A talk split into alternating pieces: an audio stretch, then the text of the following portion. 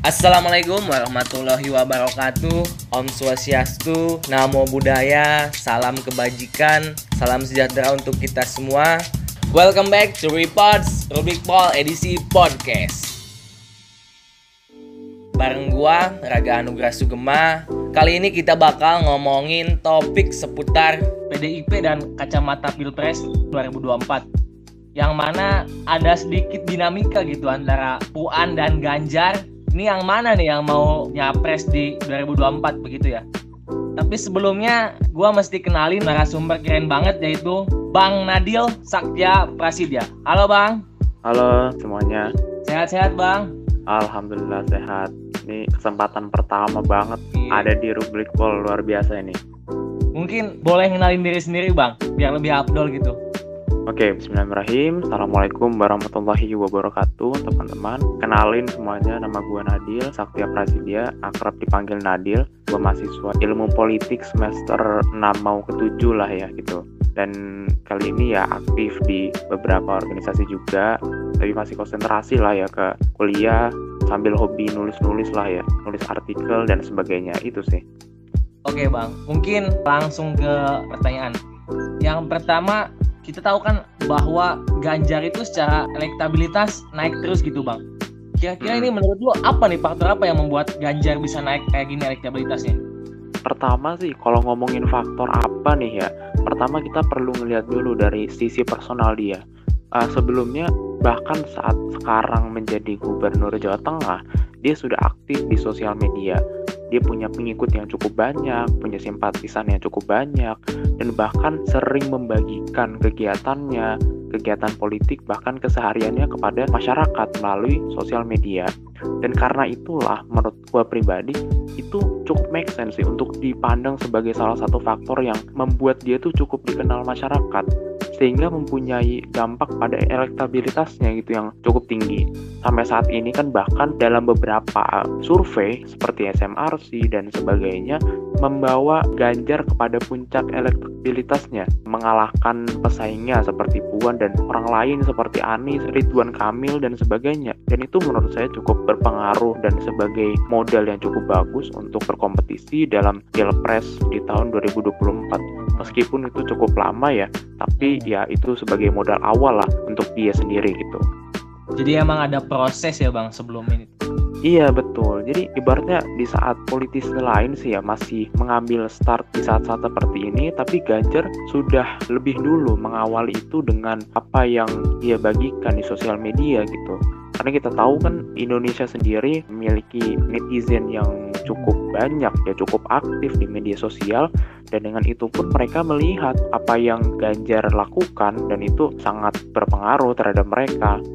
Uh, kendati Ganjar elektabilitasnya gede bang. Hmm. ada gimana ya? Sedikit dinamika bahkan PDIP itu terlihat enggan gitu nyalonin Ganjar dan lebih memilih Puan tentu ada banyak opini tentang ini ada yang bilang bahwa ini karena politik dinastinya kuat lah kalau lu sendiri ngeliat ini gimana bang?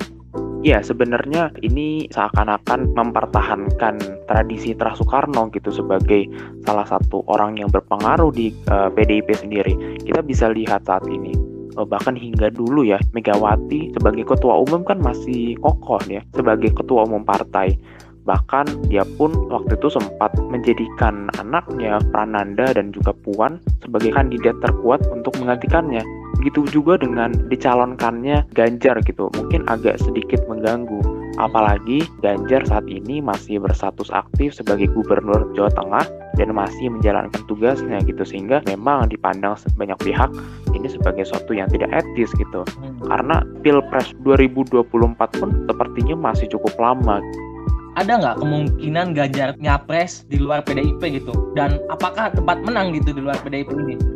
Ya, pertama kalau bicara masalah potensi tentu ada karena namanya politik adalah semu gitu. Ibaratnya jika salah satu partai berkata bahwa kami mempunyai perbedaan ideologi, itu sama sekali tidak bisa dipercaya. Perbedaan ideologi bahkan bisa disatukan dengan kepentingan. Begitu juga dengan Ganjar gitu. Ibarat kata dia tidak bisa melaju ke jenjang yang lebih tinggi yaitu untuk maju menjadi calon presiden, di situ dia bisa pindah ke partai lain bekerja sama untuk mencalonkan mencalonkan dia sebagai calon presiden 2024 gitu. Tetapi ada salah satu faktor yang cukup berpengaruh terhadap dia gitu yaitu adalah basis pendukungnya gitu.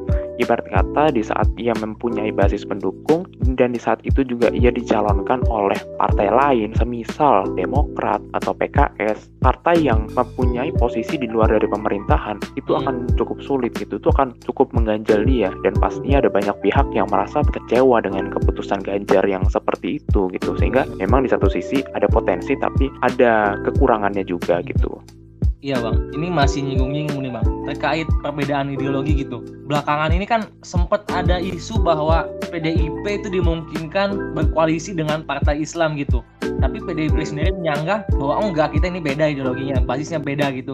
Ini gimana bang menurut lo? Apakah dapat terjadi kemungkinan ini di Pilpres 2024 begitu?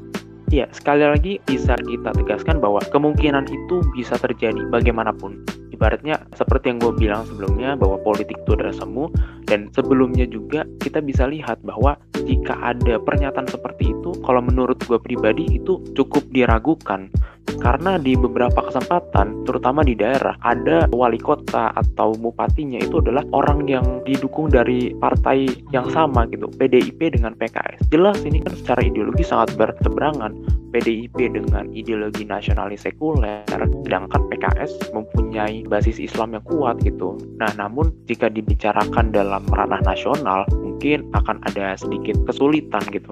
Hmm, intinya bermain kepada kepentingan saja lah kepentingan itu kan dalam politik adalah suatu yang utama gitu.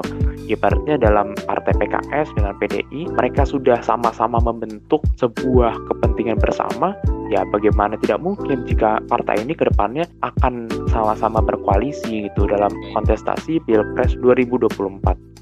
Jadi emang medannya ini cair ya bang. Begitu kondisi sama keadaan menguntungkan bisa aja gitu ya bang ya.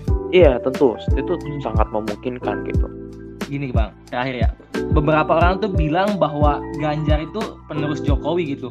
Pertama lu setuju nggak dengan kata-kata itu dan yang kedua begini andai kan Ganjar itu jadi nyapres ya entah di dalam PDIP atau di luar ya kira-kira wakil yang memungkinkan untuk jadi wakilnya itu siapa? Apakah mungkin Ganjar Puan jadi begitu? Atau Ganjar sama siapa nih kira-kira pertama tadi masalah Ganjar ini adalah penerus Jokowi. Oke menurut gue ini bisa aja mungkin karena dilihat dari tipe kepemimpinan yang hampir sama. Keduanya sebenarnya sama-sama berasal dari kondisi masyarakat Jawa biasa ya kan? Bahkan Ganjar pun juga gemar untuk bisa belusukan berdialog dengan masyarakat. Itu adalah salah satu strategi politik yang dia lakukan. Salah satu karakter yang dia unggulkan gitu saat ia tampil di hadapan media gitu. Tapi kita tidak bisa melihat dalam ranah itu saja. Kita tentu harus melihat bagaimana Ganjar nanti berkembang gitu. Bahkan saat ini banyak masyarakat yang mengeluh kinerja dari Jokowi, melihat bahwa pemerintah saat ini dianggap lemah dalam menerapkan beberapa kebijakan, dianggap lemah dalam melindungi hak-hak rakyat dan sebagainya.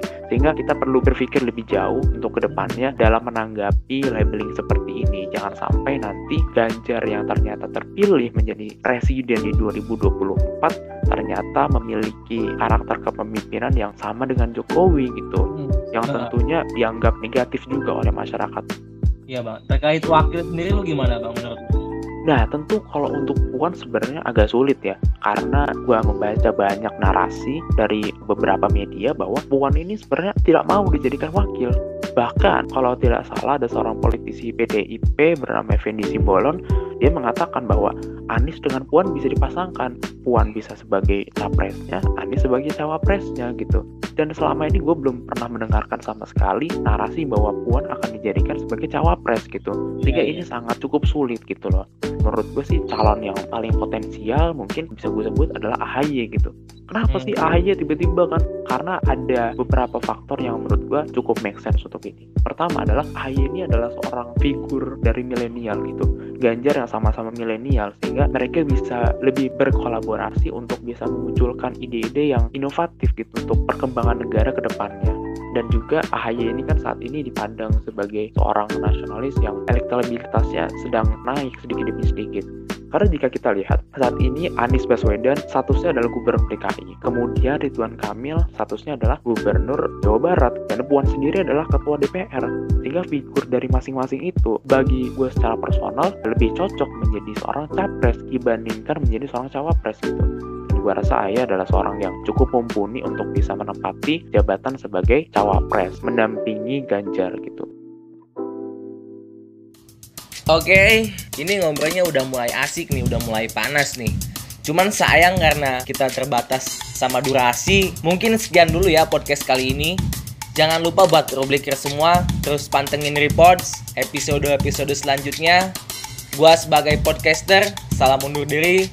Terima kasih. Assalamualaikum warahmatullahi wabarakatuh.